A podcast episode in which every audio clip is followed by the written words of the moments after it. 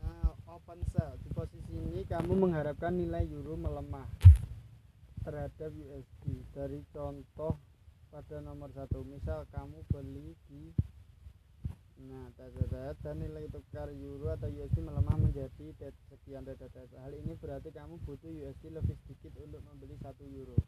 Jika sudah melemah kamu dapat merealisasikan profit dengan menutup posisi dan melakukan close sell intinya kamu mungkin butuh ilmu lebih untuk mempelajari dunia forex dan manajemen resikonya tentu untuk masuk pasar forex disarankan kamu menggunakan uang dingin ingat semua investasi, investasi ada resikonya.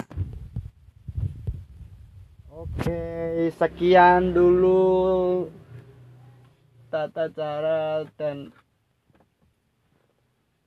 dari trading dari aplikasi mana pun yang jelas semua investasi itu ada resikonya. Ingat itu teman-teman.